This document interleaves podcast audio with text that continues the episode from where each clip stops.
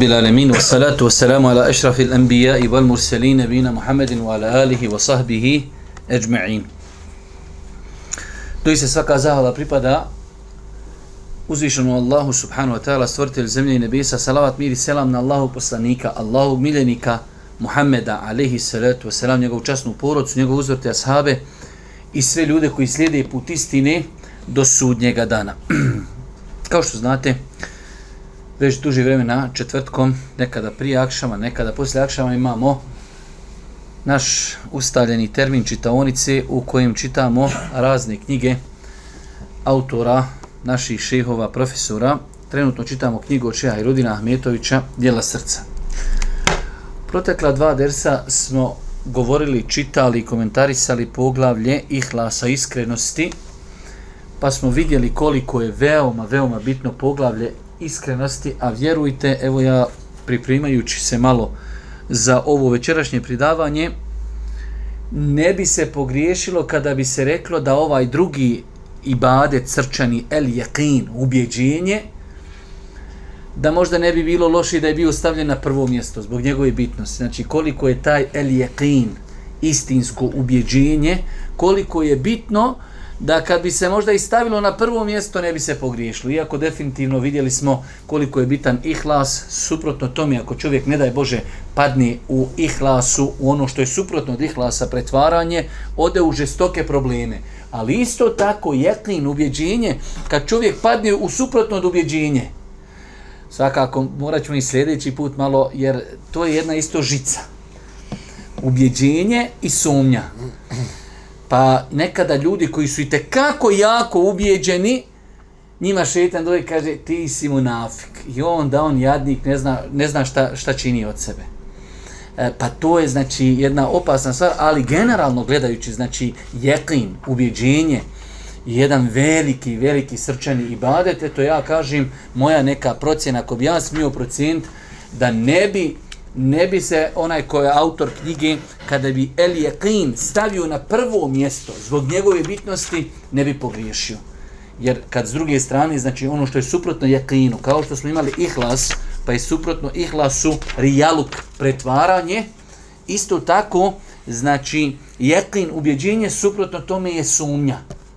Opasno, mnogo opasno. Sad tako da E, večerašnji ders svakako i El Yaqin, ja sam danas to iščitavao, nećemo moći završiti, pošto je poprilično široko, ši, e, Hajrudin je obradio poglavlje Yaqina, mnogo o, opširno, tako da ćemo e, dva dijela e, ovog, ajde hajde da kažemo, dersa ostaviti za sljedeći put, a to je putevi i načini kako postići jeklin, nećemo moći to nikako večeras obraditi, i plodovi koristi jeklina ali imamo noćas mnogo, mnogo korisnih stvari. Pa da vidimo uvod. Ubjeđenje je najveća blagodat koju vjernik može da zadobije od uzvišenog Allaha na dunjalku. Ovo je, odma ova rečenca je poprilično e, jaka konstatacija.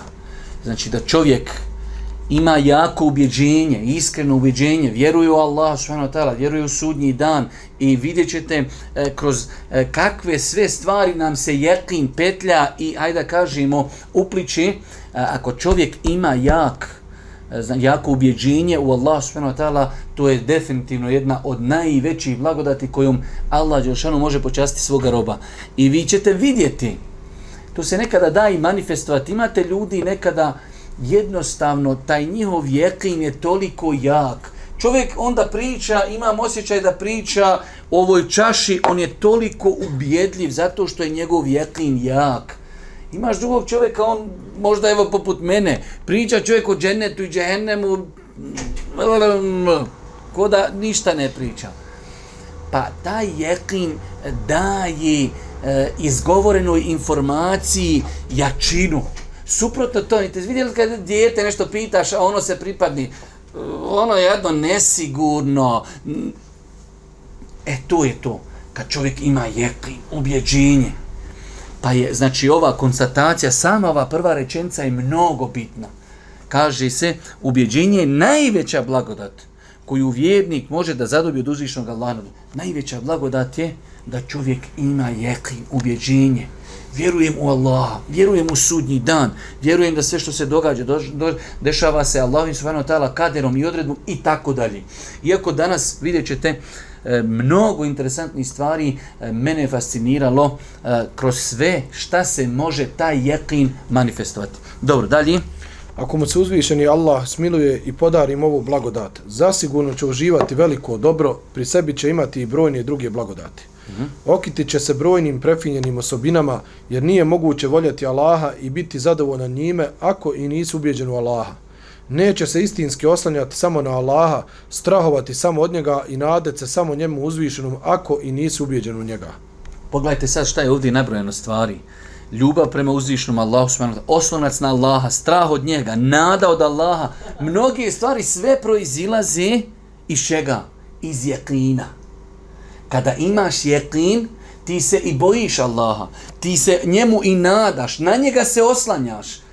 Pa vidjet ćete, ja sam znači danas ovo čitavajući, vjerujte, toliko me fascinirao, toliko sam znači da kažem da je ovo možda jedan od najbitnijih srčanih ibadita. Dobro, dalje. Stoga Ibn Qaim rahmehullahu ta'ala rekao prelijepe riječi u ubjeđenju.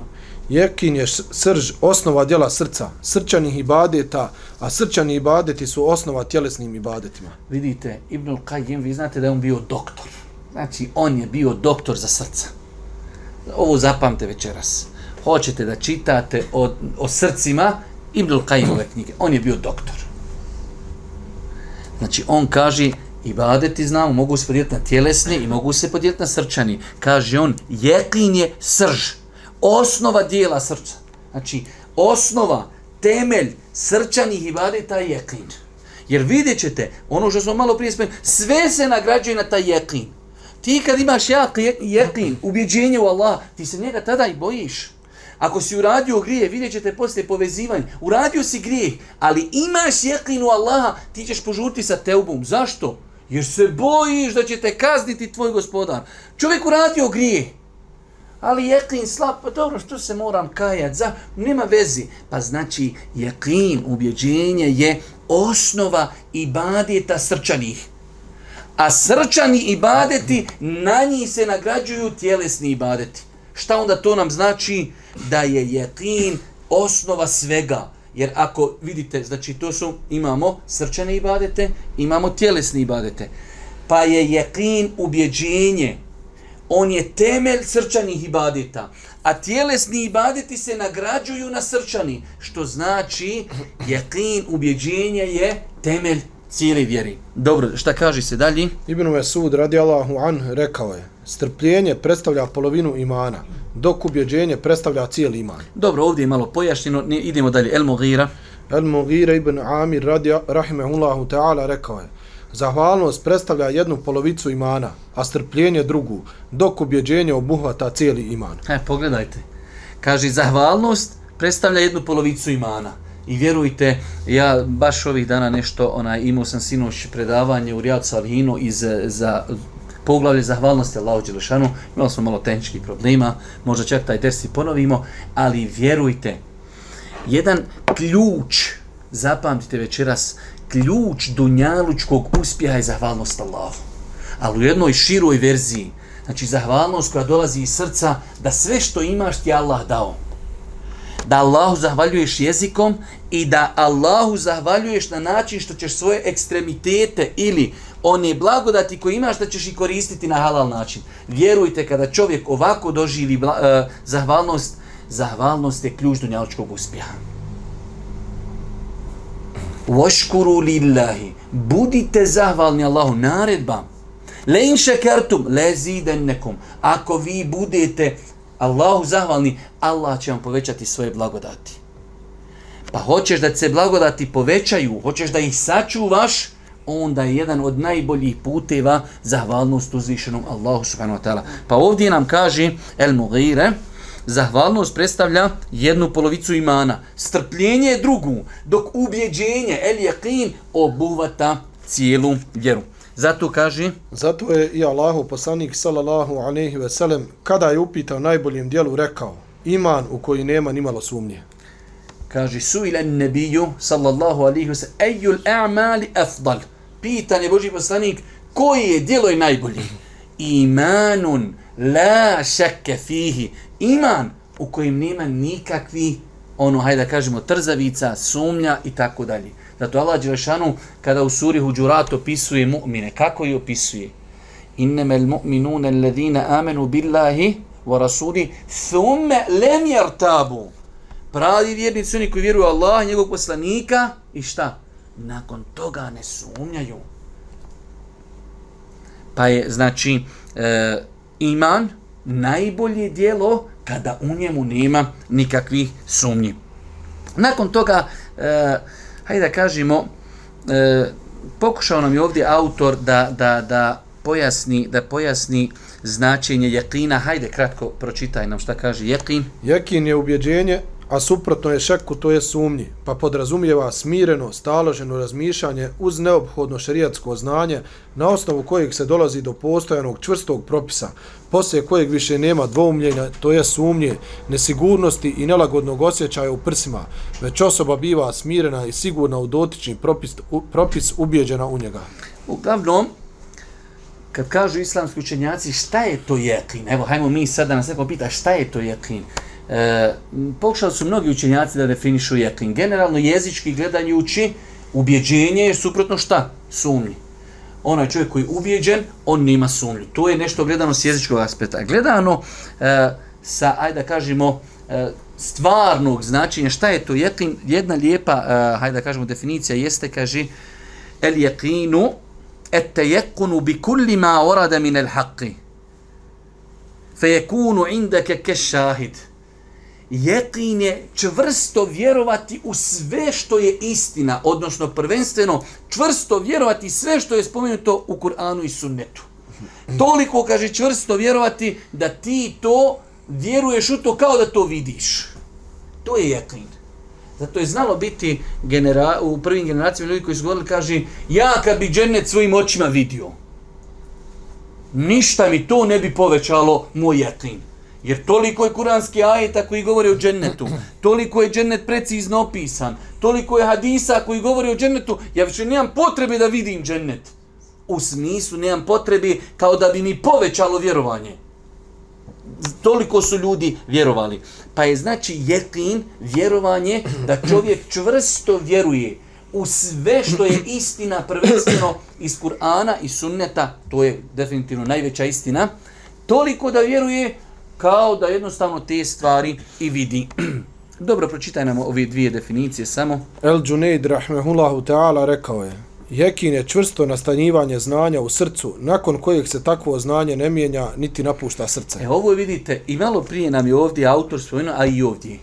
Ne može se doći do jekina osim čime? Znanjem. I zato mi moramo priznati i zato i liječimo ove probleme, problem našeg naroda kada dođe čovjek i ono nekomu kaže, pa ko je se od otuda vratio? Znate zašto to ljudi kažu? Zato što nikad u životu nije pročitao Kur'an. Zato što nikad nije pročitao Buhariju i muslima. Nema znanja i onda nedostatak znanja mora uzrokovati tu sumnju. S druge strane, da bi dobio jeklin, kako ćeš ga dobiti? Znanjem. Kako smo mi sad, zašto mi vjerujemo u džennet? Sad ja se rodio i odjednom kažu, vjeruješ u džennet? Vjerujem. Ne, znanjem. Čitam hadise. Prvo udarim temelj da sve što Allah Žešan kaže je istina. Sve što kaže Muhammed Ali Salatu Veselam je istina. Ok, ako udarim taj temelj, vjerujem u Allaha, vjerujem u poslanika, nakon toga taj isti moj gospodar, gospodar mi kaže ima džennet. Aha, ja dobivanjem informacije šta? Stičem jekin jedan hadis, pa drugi, pa treći, pa u Buhari, pa u Muslimu, pa pet, pa deset, pa sto, pa sto pedeset. Svi ti hadisi kod mene šta mi izgrađuju? Jekin. Nemoguće je dobiti jekin, ubjeđenje bez znanja. Ovo morate noće zapamtiti. Veoma bitan faktor, kogod da govori o, zna, o, o, o jekinu, znanju, o čvrstom ubjeđenju, povezuje to sa znanjem. Pa je veoma bitno i zato je to problem našeg naroda. Kada vidite njihov odnos prema grijesima, kada vidite njihov odnos prema teubi, pokajanju, a vidjet ćemo sve se to opet vezuje za pojam jakina. Kada je čovjek čvrsto ubijeđen u Allaha, on će ostaviti grijeh. Ako ga i počini, on će se pokajati. Kada? kada čvrsto vjeruje u uzvišnog Allah. Šta kaže šehul Islam? Šehul Islam ibn Taymiye, rahmehullahu ta'ala, kaže, jekin je čvrsto znanje u srcu, nakon kojeg srce biva potpuno smireno. Čvrsto znanje, spoznaja. Pa znači, jekin je i tekako usko vezan sa znanjem. E, imamo ovdje da uzvišnji Allah subhanahu wa ta'ala opisuje mu'mine, pa kaže وَبِلْ آخِرَةِ هُمْ يُقِنُونَ Oni u, u ahiret, ovaj, je, ovaj ovdje riječ nam je bitna na arabskom od jeqin. Yuqinun. Znači, korijen riječ je isti. Yuqinun i jeqin imaju istu riječ. Allah Žešanu kada opisuje vjernike u Koranu, opisuje ih da je njihovo jedno svojstvo. Opisano su, rekli smo i u suri Huđurat, da su to oni koji vjeruju i nakon toga ne sumne. Šta kaže Ibnul Qajim? Ibnul Qajim, rahmehullahu ta'ala, kaže Vjerovanje u ahiret ne može se postići osim sa smirivanjem srca na onome o čemu je obavijesti uzvišeni Allah. Smirivanje srca na svim onim pitanjima u koja nema nimalo sumnje. Takav vjernik istinski ubjeđen u ahiret. Ali opet vidite šta kaže Ibnul Kajim. Vjerovanje u ahiret ne može se postići osim smirivanje srca na onome o čemu je obavijestio Allah. Ne možemo mi smijeti srce, srce na nečemu što ne znamo. Ali kada čitamo ono što nam je rekao Allah, a prije toga vjerujemo u Allaha, vjerujemo da je to apsolutna istina, zalike el kitabu, la raibe fihi, to je knjiga u kojoj nema nikakve sumnje, da nam se onda srce na tome smiri i da zauzme čvrst stav u koji nema, znači nikakvog više ljuljanja i nikakvi sumnji. Dakle, ovo mi je bitno. Dakle, da bi se posjedovalo ubjeđenje, neophodno imati ispravno i jasno šerijatsko znanje. A, još jedno molim te. Vidite, ova, ovo je, vjerujte, ključ problema umeta danas. Ključ problema Bosni. Nema znanja, nema jeklina. Kada nema jeklina, ima mnogo problema. Vidjet ćete sada kako nam se manifestuje nedostatak jeklina u svakodnevnom životu. Ponovi, dakle... Dakle, da bi se posjedovalo ubjeđenje, neophodno imati ispravno i jasno šerijatsko znanje.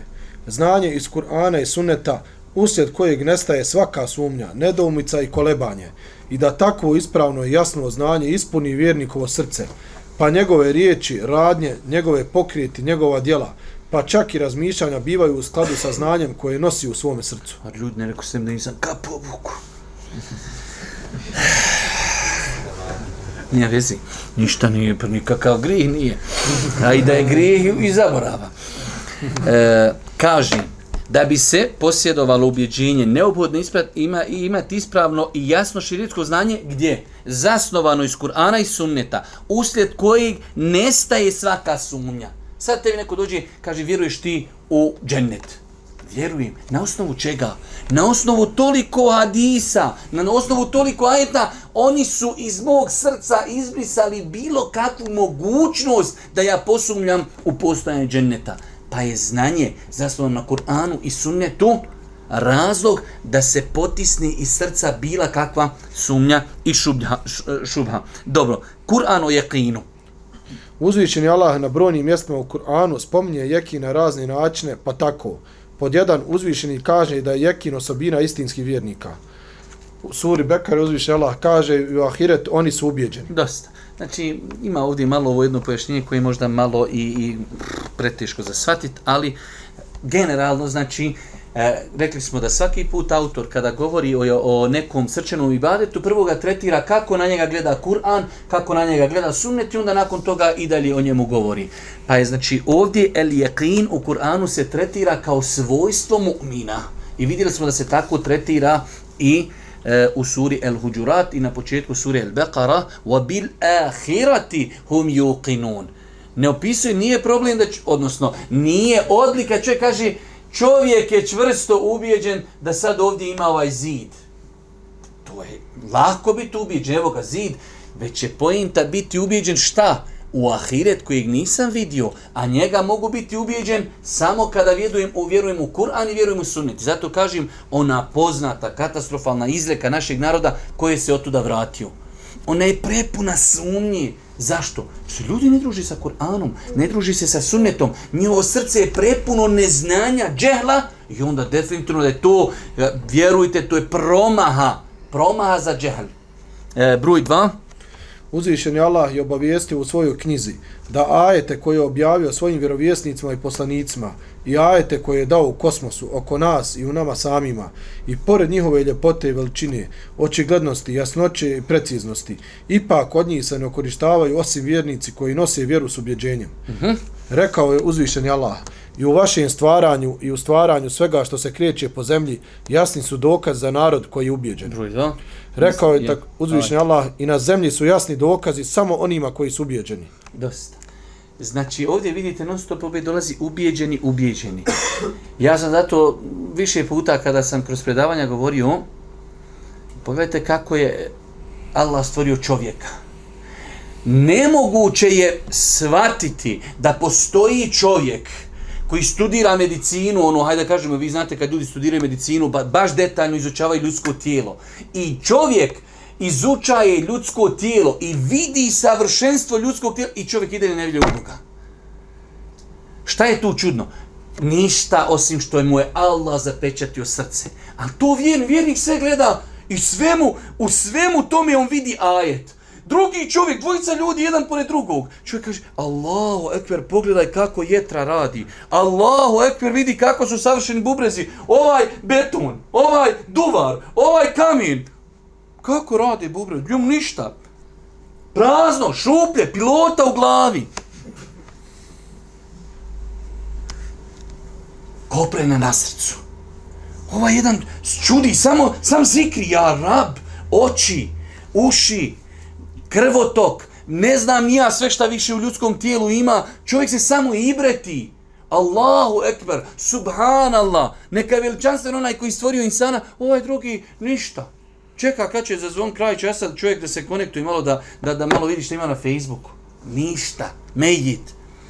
Pa kaže u tim dokazima, u, u tim stvarima, kosmos, od toga korist imaju oni koji imaju jeklin. Jedini ko će se okoristiti od svega toga jesu vjernici koji čvrsto vjeruju u uzvišnog Allah. Broj 3. Ovo su očigledni dokaz za sve Ne, ne, samo Aha. broj 3 kao tačka. tačka. Aha. Ponekada, Ponekada uzvišen Allah u svojoj knjizi spominje mudrost pojedinih svojih radnji kako bi nekog od svojih robova doveo do stepena jekina. Mm -hmm. Pa kaže, tako smo mi pokazali Ibrahimu znamenja na nebesima i na zemlji kako bi on bio od ubjeđenih. Znači, šta je sad ovdje, govori se, kako Kur'an tretira, znači, jeklin ubjeđenje, da uzvišeni Allah s.w.t. nekom od svojih robova nešto pokaže, otkrije s ciljem šta? Da bi mu se povećao njegov jeklin. Iako, e, generalno gledajući, sve što je, ne treba čovjeku neki poseban dokaz. Allah je što kaže u Kur'anu, وَفِي أَنْفُسِكُمْ أَفَلَا تُبَصِرُونَ I u vama samima su dokaz. Ne treba, znači, može, ko što Ibrahim a.s. rekao gospodaru, Pokaži mi kako živi. Kaže, pa je li ne vjeruješ? Vjerujem, ali daj da još malo mi se poveća znanje o tome. Ali ne treba nama poseban dokaz. Evo, vjerujte, samo čovjek da sjedni oblaci. Kiša pada, zemlja, bilje, ljudsko tijelo, organizam, lego spava, mrtav čovjek i živ će, gledaj, leže jedan do drugog. Znači, sve su to ajeti. Sve su to ajeti samo ako će insan razmišljati. Ako hoće da samo uključi mozak, hoćeš da ga isključiš, da ga baciš macama tamo u korpu za smeće, to je nešto drugo. Pa znači nekad Allah subhanahu wa ta'ala nekom od svojih robova nešto dodatno otkrije s ciljem da bi se još više povećao njegov jeklin. Broj pet. Pet, ja. Jes, broj pet. Također uzvišnji Allah je obavijestio o stanovnicima vatre da nisu bilo od ubjeđenja. Pa kaže, A kada se govorilo, doista je Allahu obećanje istinito i sudnji dan će se desiti. U to nema nimalo sumnje. Vi ste govorili, mi ne znamo šta je to sudnji dan, mi samo pretpostavljamo, pretpostavljamo i u, tome, u to mi nismo ubijeđeni. U to mi nismo ubijeđeni. Na koga vas ovaj ajet posjeća? Vjerujte mene, baš posjeća na naš narod. Ovaj ajet koji je izuzetno, znači, eh, Broj pet od stvari kako se jeklin spominje u Kur'anu, uzvišeni Allah je obavijestio o stanovnicima vatre da nisu bili ubijeđeni u dženeti džehennem. Subhanallah, stanovnici vatre zaslužili su vatru jer nisu bili ubijeđeni u dženeti džehennem. Na koga nas to mene posjeća? Mene pravo, neću reći, da su naši ljudi nevjernici, ali ne pravo to posjeća njihovo stanje, njihove izjave na ovo o čemu se govori ovdje. E, sunnet o jakinu. Znači vidjeli smo samo par ajeta e, koji govori, odnosno kako Kur'an tretira e, jakin. Da vidimo kako sunnet Božih poslanika tretira jakin. U brojnim hadicima Allahog poslanika sallallahu alaihi ve sellem spominje se jekin i njegove odlike.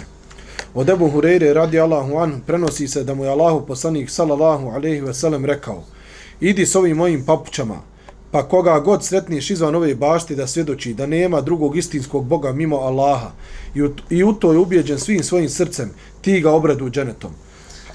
Dobro. E, znači vidimo kako tretira sunnet Božijeg poslanika jeklin ubjeđenje. Da insan korektni riječi la ilaha illallah, ali kako? Ova je klauzula mnogo bitna. Mi danas imamo koliko što ljudi la ilaha illallah. Čak ljudi ima, govori stotinu, tristo, pesto, la ilaha illallah i tako dalje. Ali šta je značenje la ilaha illallah? Šta proizilazi iz toga? Kaže ovdje, ko kaže, E, onaj poznati hadis kad jednog dana Boži poslanik sjedio sa sabma pa je otišao, bukvalno izgubili su ga. Pa su ga otišli traž, pa kaže Buhurire, pa sam se provukao kroz jedan prolaz i ušao sam u jednu baštu pa sam tamo sreo poslanika. Pa je Boži poslanik kada je vidio da je on malo uplašen, kada je ti moje papuće, da ljudi vjeruju da je Buhurire bio kod poslanika, da ga je našao. Idi, kaže, nosi ove moje papuće i koga god sretniš, da je rekao la ilaha illallah, ali kako? Ovo nam je bitna klauz. Ubijeđen svim svojim srcem u to, Allah će ga uvesti u džennet. Ovo je bitno, ubijeđen. Hajde, molim vas, evo nije sad da mi se nešto ismijamo s našim narodom, ali dođeš i kaže la ilaha illallah, danas rekni na podni, način kaže, a ko je se vratio od tuda sa, sa ahireta? Ima li tu ubjeđenja u tim riječima la ilaha illallah? Za insana koji kaže, a ko je se kaže od tuda vratio, šta ja znam? Buharija, ko je to pisao? Koran, šta ja znam, kaže. Ide i lupaj glavom, odzid jedno šest dana, ti glava otekni, ne bi li pošao šta kontakt. Pa je jeklin u sunetu Božijeg poslanika spomenut u kontekstu da se izgovaraju riječi la ilaha illallah sa čvrstim ubjeđenjem u ono što riječi la ilaha illallah nosi. E,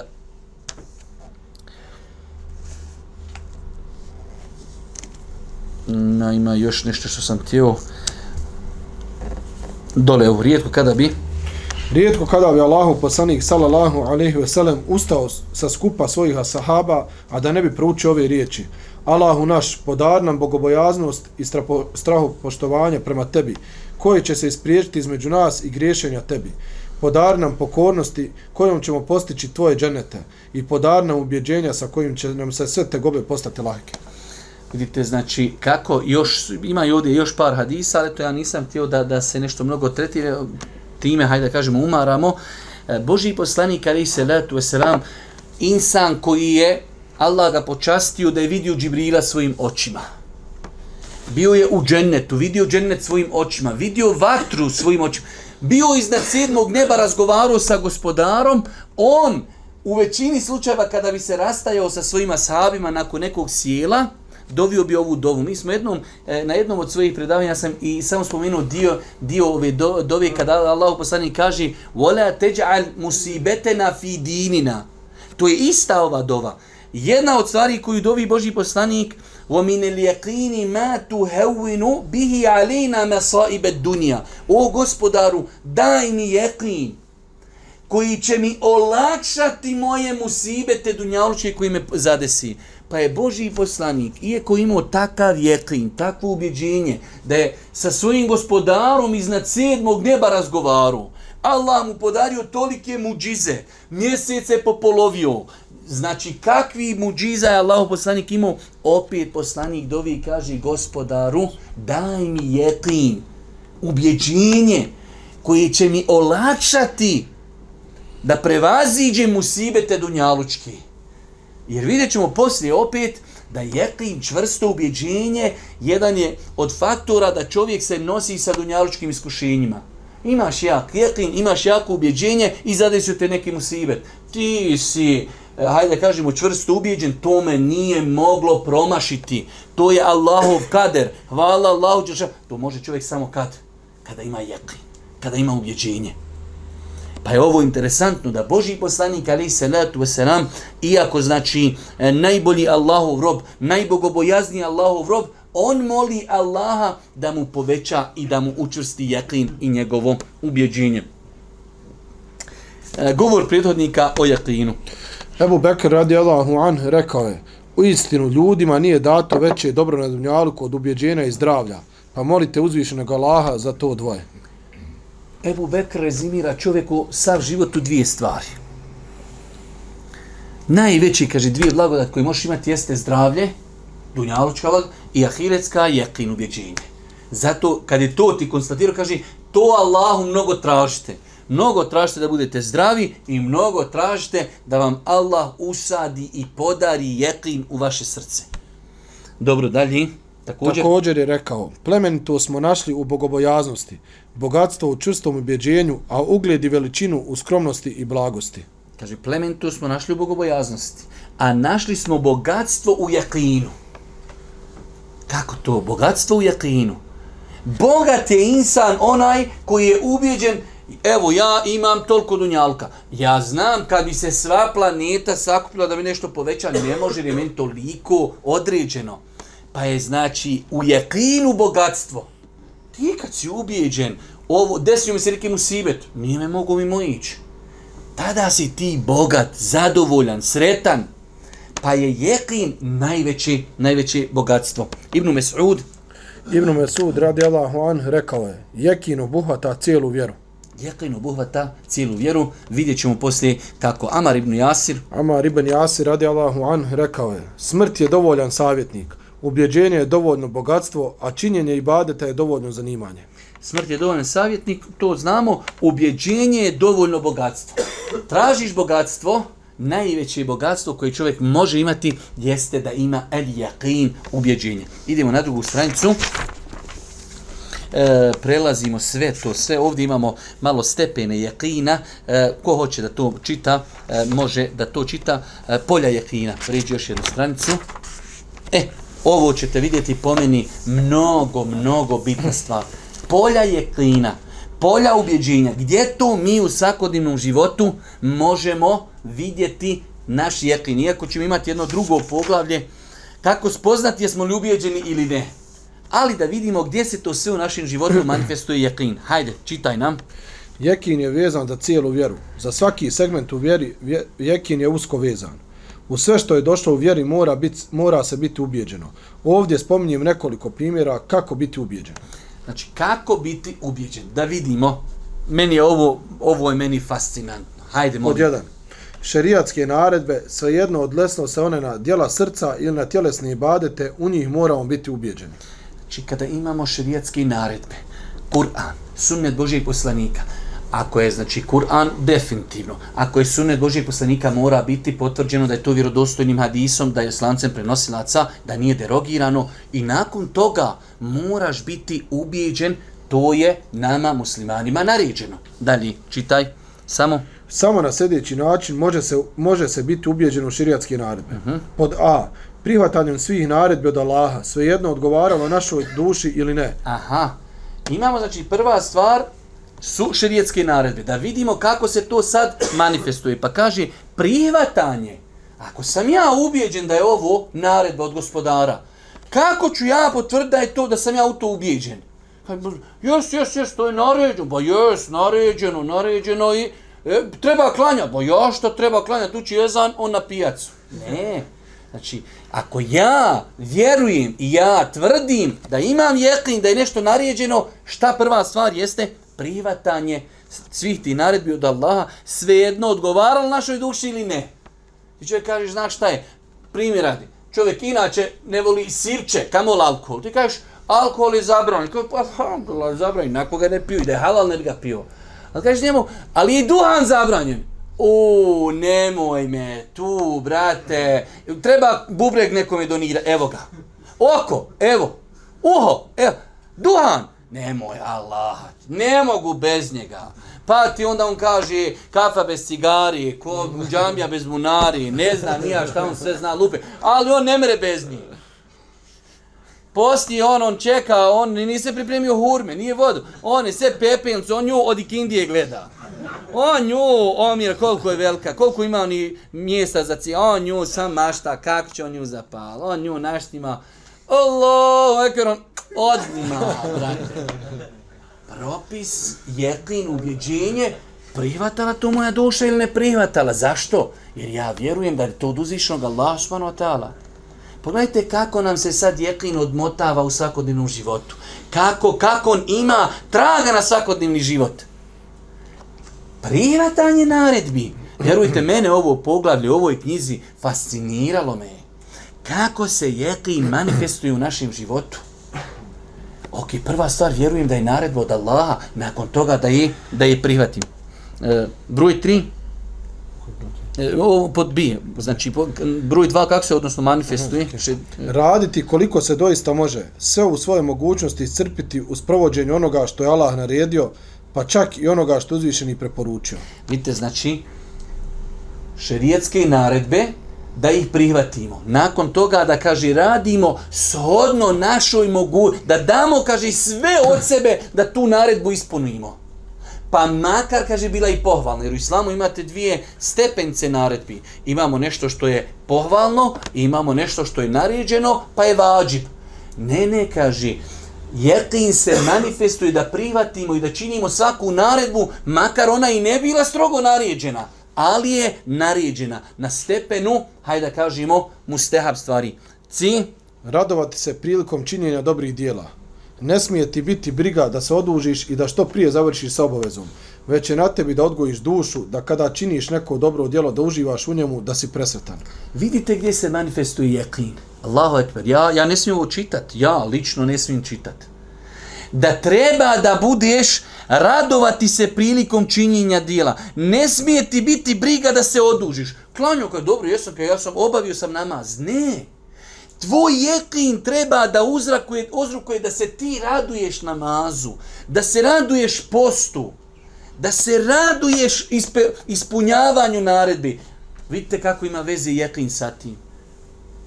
Znači koliko jeklin ulazi ubjeđenje u naš svakodnevni život.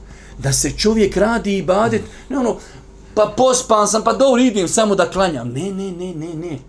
Jekin moj treba da uzrokuje da se, ja, ja volim implementiranje toga. Stoga nakon Stoga, nakon obaveze koju nam je uzvišeni Allah propisao, kada je obavimo, provjerimo svoje srce. Da li smo nakon obavljene obaveze povećali svoj iman, osjetili slast imana u tom dijelu ili smo ga samo formalno obavili. Privjerili kraju, ni sami ne znamo kako, samo da se odužimo. zbog toga Zbog toga se Allahu poslanik sallallahu alejhi ve sellem divi onome koji ostaje i iščekuje naredni namaz nakon obavljenog namaza. Zašto? Zato što ga želja za dobrim djelima, slast i uživanje za dobrim djelima postiče na to. Vidite kako se povezuje jeklin. Čovjek sjedi u džami i iščekuje novo dobro djelo. Što iščekuje? Jer on voli to dobro djelo, pa je to povezano sa jeklinom. Pa smo imali, znači, polje jeklina u šerijetskim naredbama. Pa smo rekli da treba da ih privatimo, da ih radimo i da im se radujemo. Tri stvari. U jednoj stvari gdje se manifestuje naš jeqin u pogledu šerijetskih naredbi. Pa u pogledu tih šerijetskih naredbi mi treba da znači e, da ih privatimo, da e, radimo koliko možemo po njima i da se radujemo. Broj dva, suprotno od naredbi, naš jeqin treba da se manifestuje u zabranama. Da vidimo šta nam kaže Šerijatske zabrane svejedno odnosile se ona na djela srca ili na tjelesne ibadete. U njih moramo biti ubijeđeni imamo sada kao što smo imali naredbe, imamo zabrane. Pa je zabranjeno ovo, zabranjeno ono. Moramo biti na jeklinu, ubjeđenju da je to zabranio naš gospodar. Ali u tom segmentu imamo nekoliko podsegmenata. Prva stvar pod, A. Prihvatanje tih zabrana, to jest potvrđivanje da je to zabranio uzvišeni Allah i neslušanje nikoga drugoga. Vidite mi, danas imamo veliki problem. Opet ljudi u neznanju. Vidite kako sve u islamu je povezano. Imaš neznanje. Ja neki dan napisao kratak post, pa to izgorio bio Facebook, prigorio, možda ono juče što je bilo to je prigorio Facebook, koliko ljudi komentarišu, je li muzika halal ili nije. Ja kratko napisao, muzika je haram. jesi to ti pjeziću zabranio? Što je zabranio? Kako je za... Šta ćemo bez... Zar se mora živjeti bez muzike? Hodaš li ti, kaže, ulicom stavio prsti u uši? Nema kakvi ljudi pitanja, nema. Brate, Kur'an zabranio, sunnet zabranio, amin, završena stvar. Pa znači, naredbe prihvatiti, zabrane prihvatiti, vjerovati da ih je zabranio uzvišeni Allah. Pod, eh, pod B. Dobro se čuvajmo dosjetke. Kako da na indirektan način dođemo do onoga što nam je zabranjeno. Ima ljudi koji ne čine zabranjeno, ali priželjkuju da to čine. Pa ga i čine indirektno, a sve to dolazi od slabog ubjeđenja. Imate i neko ne čini. Znači, naš jetim prema zabranjenim stvarima vezuje se i kroz, kroz to da mi ne maštamo da iznađemo neku metodu pa da mi to nekako uradimo. Na jetinu sam, ubjeđenju sam, to je zabranio moj gospodar, ja to neću činiti.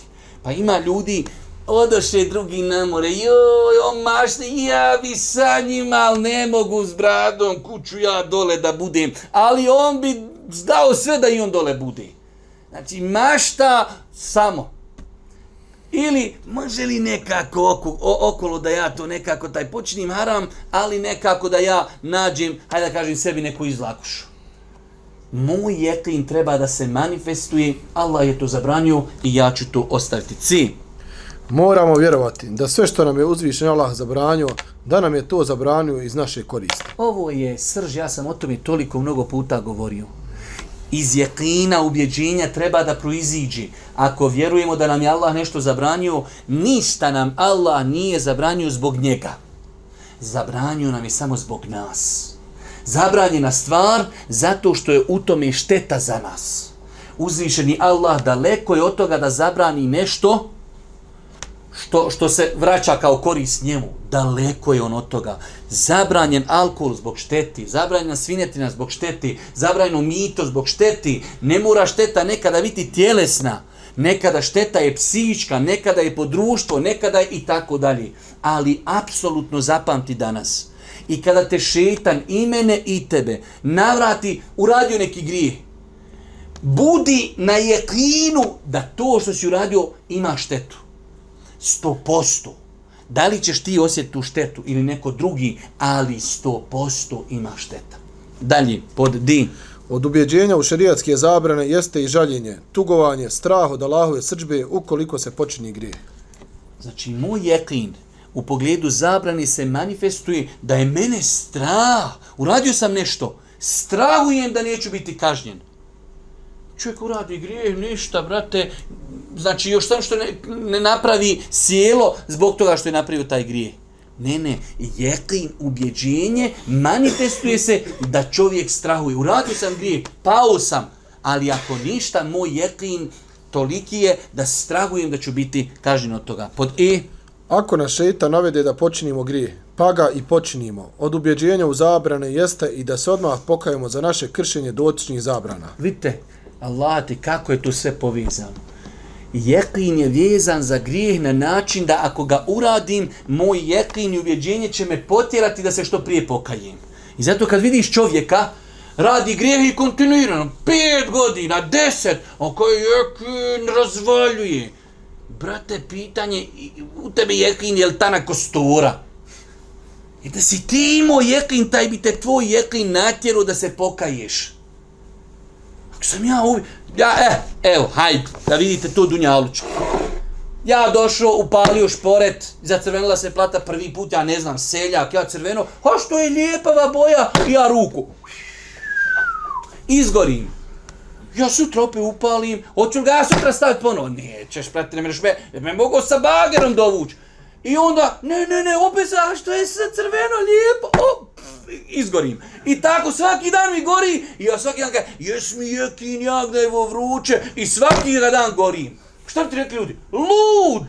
Idi bolan tamo kod psihijatra, gdje se prš svaki dan. I on svaki dan grije radio, kaže, al srce mi je čisto, jekin mi je jak, ko beton armirani. Srce ti je ko beton armirani. Sto posto, ko kamen.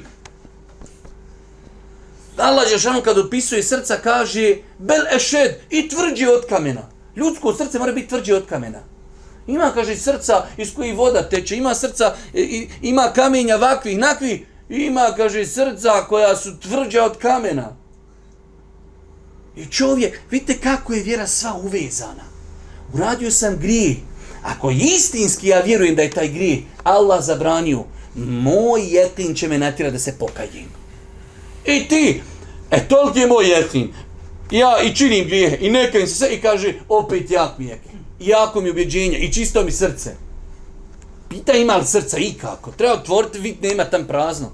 Kurmaru. Pogledajte kako se jeklin manifestuje na naš svakodnevni život. Pod broj 3, znači rekli smo polja gdje se manifestuje jeklin. U naredbama, u zabranama, broj 3. Od primjera kako biti ubijeđen jesu i kazivanja o prošlim narodima, hmm? pokornim i nepokornim, Allahovim zakonima po pitanju pokornih i nepokornih. Šta se desilo s jednima, a šta s drugima na Dunjaluku, šta se obećava jednima, a šta obećava drugima na Ahiretu. Hmm. Također kazivanja o sudnjem danu i njegovim predznacima. Kako biti ubijeđen u sve spomenuto. Hmm. Pod A na vjerniku je da sva ta kazivanja prihvati, da vjeruje da se neka od njih dogodila u prošlosti i da će se neka od njih zasigurno dogoditi u budućnosti. Naš jeklin, ako smo rekli, vidjeli ste na početku, znanje zasnovano na Kur'anu i sunnetu. Pa ako nam taj Kur'an i sunnet govori o nekim narodima koji su prije uništeni, ili nam taj Kur'an i sunnet govori o nečemu što će doći kroz budućnost, da budem apsolutno ubijeđen. Gdje li je bio sad Adi Semudija, ne znam. Gdje li je sad Nuhova lađa, nemam pojma, ali sam ubijeđen da je bio potop. Ubijeđen sam da su narodi uništavani, sto posto. I ono što je nagoviješteno pred sudnji dan, to će se desiti. Pa znači u pogledu stvari o kojima Kur'an govori o prošlosti i budućnosti, da budem siguran da je to istina. Broj B po dva. Razmišljanje o ovim kazivanjima i dokazima uzvišnog Allaha u njima, njegovim zakonitostima i mudrostima. E sad, ako vidim, uzvišeni Allah uništio Lutov narod. Što je uništen Lutov narod? Uništio se Mudov narod. Zašto je uništen? Uništen, potopljen Nuhov narod. Da čitam, da razmišljam i šta? Da to praktikujem, da živim, da sebe preispitujem. Dalji, ci? Iščitavanje i proučavanje tih kazivanja, toliko da dođemo na stepen kao da ih gledamo pred sobom, kao da gledamo svojim očima džennet i džehennem ovo se misli znači da iščitavamo nešto e, o čemu Kur'an i Sunnet govori u budućnosti. Džennet i džehennem, čitamo knjige o džennetu i džehennemu, do te ti kažeš, ja u džennet i džehennem vjerujem ko da ih vidim. E, broj četiri, znači broj četiri, gdje nam se sve još manifestuje, gdje nam se sve manifestuje, jakin. U tegobama, nedaćama i uskušenjima moramo uz Allahovu dozvolu ostati čvrsti vjernici. Kako biti ubijeđen u iskušenjima? Pod A, jel? Kako biti? Znači, imamo četvrtu stvar i to je zadnja stvar gdje se manifestuje naš jeklin u musibetima, u nedaćama. E sad, da vidimo kako biti ubijeđen u tim stvarima. Samo pod A. Moramo vjerovati da je uzvišnji Allah najmilostiviji prema nama.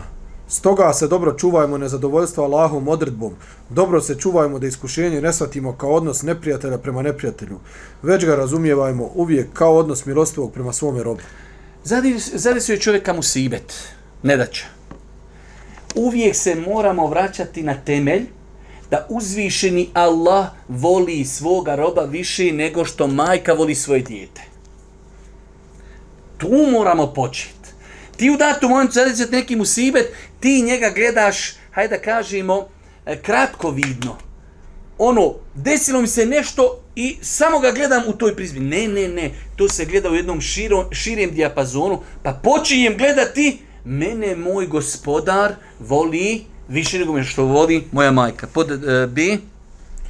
Zatim, ako prijeđeš na drugo pitanje, ako je Allah milosti prema meni, zašto me onda stavlja na kušnju? Uh mhm. -huh.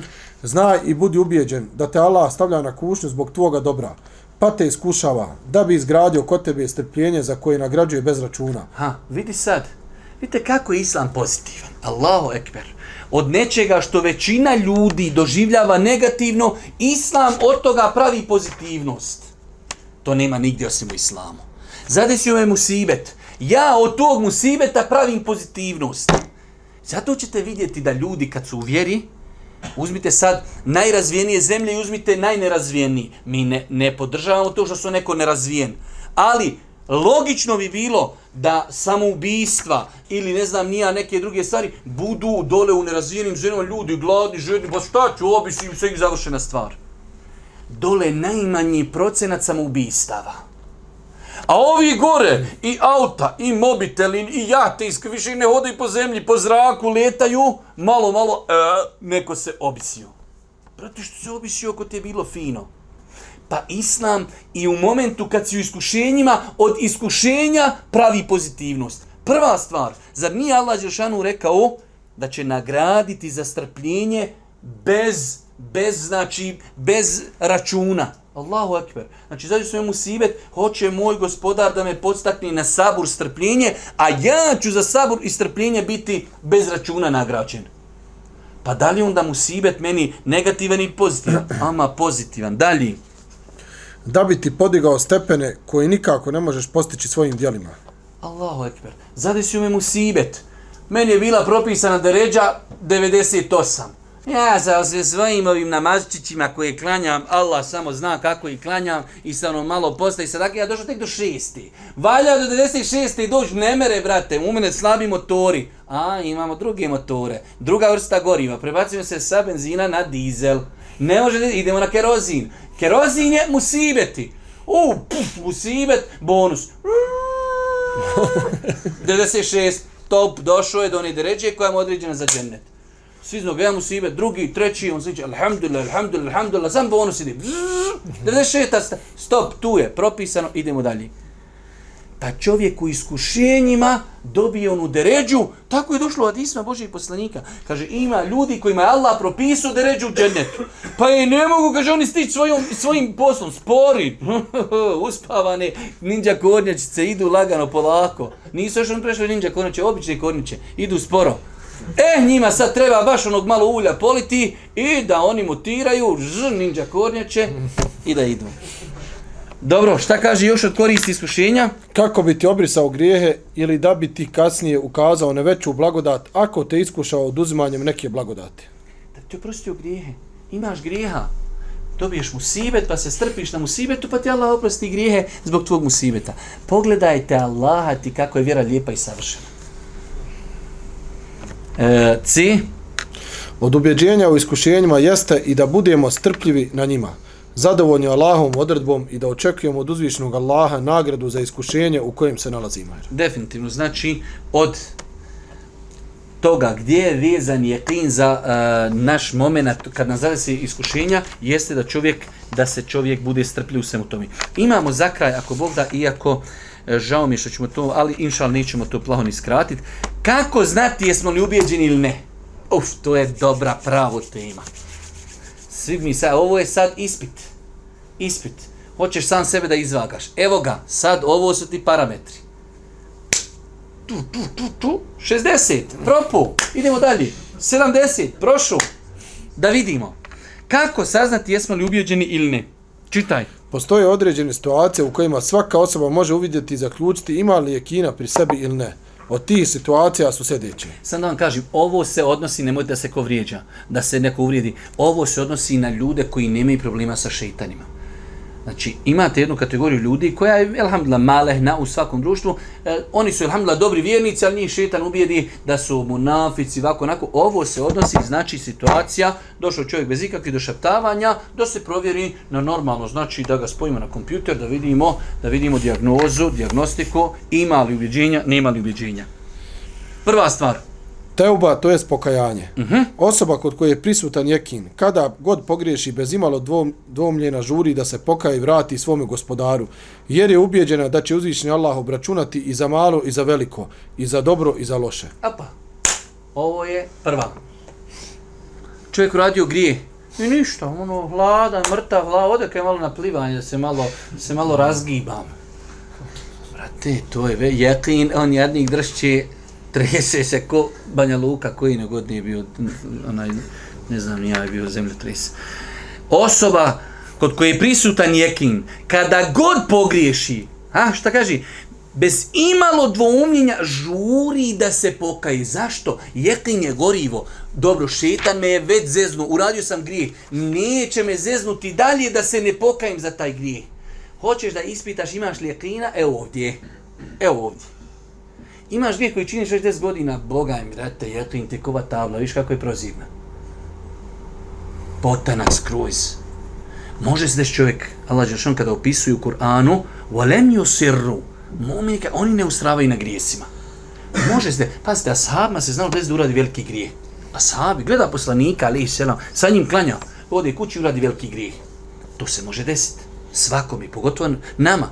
Ali, ustrajati u grijehu, to je problem. Pa jekin biva razlogom teubi. Hoćeš da je prispitaš imam li jekin? Aha, nekad sam radio grije, jesu se ga pokao, pa nisam nikad. Hmm, jekin, Boga im potanak. Uradio grije, odmah se pokaju, jekin jak, sto posto. Mm, ajde malo još nam čitaj.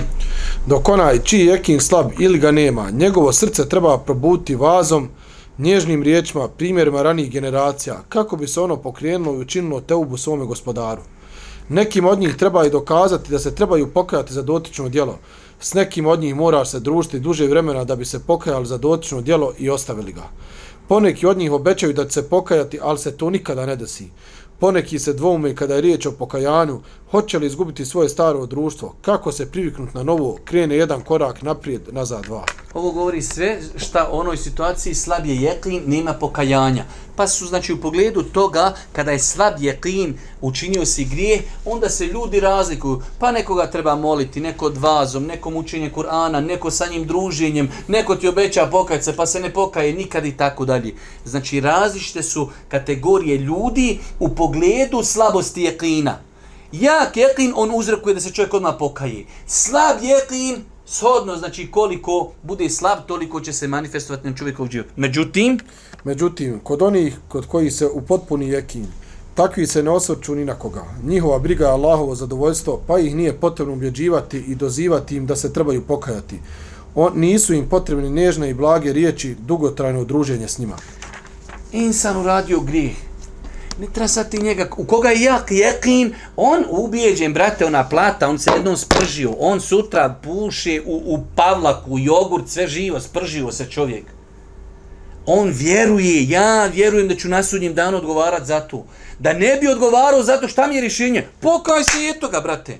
Ali ako, ha, pa znaš da li će odgovarati, da li nije, ko je se od tada vratio, je došao, ko nije došao, ma šta se imam kajat slab jekin, neka im se. Jak jekin, ubjeđenje, kaj im se. Sto posto. Ne znam, meni moja, pa znaš da, brate, pa nemoj, ma, pa, pa nemoj, Allah te nagradio, pa evo ti ders, pa evo ti letak, pa hajmo na iftar, pa hajmo na kolače. E, brate, nemaš ti mene šta moljakat, ja za sebe se kajim. Jer je moj jeklin ubjeđenje, ja ću polagati račun, ne pokajim se, valja gorit. Broj 2. Iskušenja i nedaće. Znači, gdje možemo vagati svoj jeklin? Na pokajanju. Svako za sebe. Nemojte bogati meni kazivat kakav je jeklin kod sebe između sebe i Allaha. Aha, uradio grije. Brzo se kajem, jak jeklin. Sporo se kajem ili ne kajem se nikako, jeklin, hm. Pitanje je, ima li ga i kako? Dalje. Većina ljudi imaju lijep govor o strpljenju, o čustini i postojanosti, o vjerovanju u nagradu koju Allah daje svojim strpljivim robama na drugom svijetu. Međutim, kada oni zapadnu iskušenja i nedaće, uznemire se, pokolebaju se, gube postojanost i strpljenje, a možda poneki od njih i ne budu zadovoljni Allahom odredbu. Mm -hmm. Dok vjernici koji nose u sebi istinsko objeđenje o Allahovu odredbu, kada ih iskušenja snađe, oni se strpe na njemu, zadovoljni su Allahom odredbom i očekuju na, nagradu za to. Znači, kao što smo imali jeklin u pogledu teube, imamo jeklin, možemo ga vagati da sami sebe, ne treba, znači sad ti ideš i piše, e, idem sad na Facebook napisat, e, Boga mi, znaš te, na, u prvom sam prošao na teubi, u, na iskušenjima, u strpljiv sam, ne treba, između sebe i Allaha. Znaš ti, kad te zavisi musibet, kako reaguješ? Ako si od ljudi koji su strpljivi, očekuje Allahovu nagradu, očekuje, znači, inšala jekinjak. Ako si ti prije toga ljudima, brate, strpi se, strpi se, strpi se, kad tebe zvizne, oj, po Sarajeva zna. Pa znači, gdje možemo vagati svoj jakin? U pogledu musibeta. Imamo prvo u pogledu teube. Ako se brzo pokajimo, jakin je jak. Ako se sporo kajimo ili se ne kajimo nikako, jakin slab. U pogledu iskušenja, ako u iskušenjima smo zadovoljni, zahvaljujemo Allahu Đelešanuhu, strpljivi smo, jeklin jak. Zašto? Jer smo mi na ubjeđenju da će nas Allah nagraditi zbog tog strpljenja. Kad ti sumnjaš u to, onda insan se ne ponaša tako. Broj tri. Stanje potrebe. Uh -huh. Ukoliko osoba ima potrebu kod nekog od ljudi, potrebna je metka ili ima neku drugu dunjaličku potrebu, u tome ona može da ispita svoj jekin. Da li će se vezati za ljude, okrenuti se njima samo da bi ispunila svoju potrebu, ili će se srce okrenuti i vezati samo za uzvišnog Allaha, ispunili mu ljudi dotičnu potrebu ili ne. Ja vam ne ništa pričat. Ovo je težak ispit. Znači da čovjek, mi muslimani vjerujemo da ti ide ehli sunete, da ti poduzmeš od sebe što možeš. To mi o tome ne govorimo. Već problem je kad ti uradiš ono što možeš, za koga se vezuješ. Trebaš posao i ti si nazvao sad nekog svog ahbaba i objasnio smo situaciju i sad, jel se ti vezuješ za Allaha ili se vezuješ za njega? Dalje. Blagostanje. Ima ljudi koji kada postanu imućni, prestaju s praktikovanjem vjere, više nisu zahvalni, već kažu ovo smo stekli svojim rukama i svojim znanjem, ili naslijedili smo ovo od naših predaka. Zaboravljaju Allaha, zaboravljaju da on vladar svih vladara, onaj u čijim se rukama sve nalazi. Dok vjernik koji nosi istinsko objeđenje u sebi, zahvalan je Allahu, u kakvoj situaciji se nalazio. Pa ako zapadne u siromaštvo, strpi se, zadovoljen je Allahom odredbom, zna bude li vjerovao i bio bogobojazni Allahov rob, da će mu Allah dati izlaz i obskrbiti ga odakle se oni ne nada. I ovo je treća situacija gdje možemo vagati svoj iman u blagostanju. Vjerujte sad, molta Allaha da insanu podari ono što je najbolje za njega. Ali nekim ljudima definitivno i metak, i metak je iskušenje. Mene neki dan jedan še pita, veli, kako sad ovo trgovina, Arab, i tako vjeruj še, rekao otvoreno, to je mać dvije oštice. Ima ljudi koji su, alhamdulillah, i fino imućni sve i to ih je približilo Allahu, ali ima Boga mi ljudi reko koji su postali imućni pa ih to dalilo od Allaha.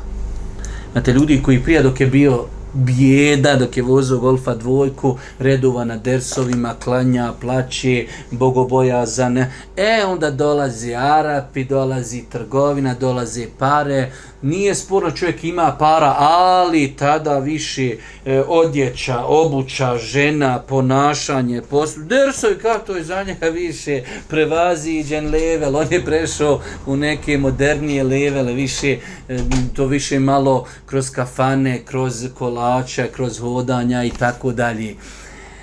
Pa vidi, pao na ispitu, umjesto subhanallah, po nekoj običnoj inerciji, Allah mi poveću i metak, šta treba? Zavaljivata, ja rab tebi hvala, ja gospoda, koliko je vraće u Palestini, u Jemenu, u Burmi, umiru odgleda, ti meni povećaješ nijamete. Šta ja trebam da radim? Ma da za samo da zahvaljujem. Jok, jok, jok, jok imaš se stara naši pokrivena, nikab, hijab, sve. Počne da pare, alala, idemo strukirano, našminkano, utegnuto, uši, turbani, vratovi, nema na sve liči osim na hijab.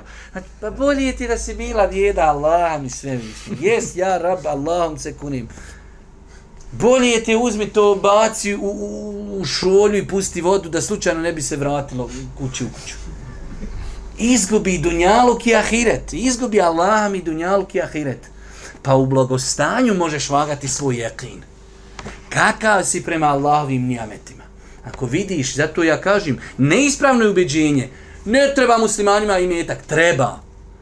Ali sebi postavi pravilo, i to sam puno puta ponovio, svaka blagodat, svaki imetak koji te približava Allahu neka ga. elhamdulillah, imaš pare i ti svakim danom sve bolji, sve više klanjaš, sve više plaćeš, sve više udjeljuješ, sve bogobojazni i pare dolaze. Neka je, alhamdulillah, samo i dijeli.